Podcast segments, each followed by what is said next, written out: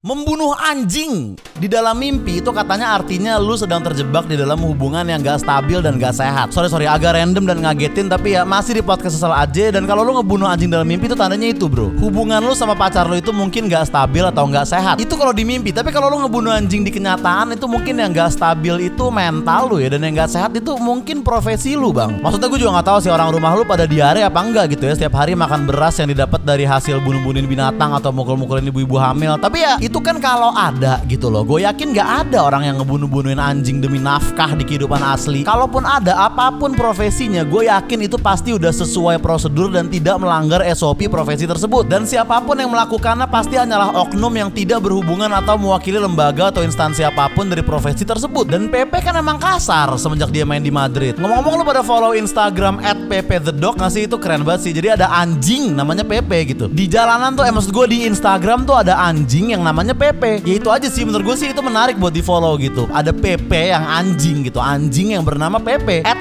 E the dog ya at Pepe the dog follow deh yang nggak berhubungan sih sama mimpi ngebunuh anjing tadi ya tapi ya ini yang ngalor ngidul aja namanya juga podcast ya kan ya podcast kan bebas gitu kayak podcast awal minggu gitu ya kan dia monolog aja gitu Bang Adri pindah-pindah topik gue pernah ke Aceh gue dulu ini random aja nggak berhubungan oh ya resin piece buat Canon karena sekarang gue lihat kameramen kayaknya banyak kan pakai Sony atau Lumix terus tuh tau lagu Canon Rock ngasih dulu kayaknya banyak banget yang cover di YouTube sekarang udah jarang jadi resin in peace buat Canon Canon Rock juga Random aja nggak apa-apa ya ngalor ngidul aja gitu kita hari ini Gue juga lagi agak malas mikir dan gue juga kayaknya butuh liburan nih bro ini ya. Anaknya kemana ya berwisata yang gak cuma seru tapi juga halal gitu ya, Ngomong-ngomong ada yang pernah dengar suara anjing nangis? Kayak gini suaranya nih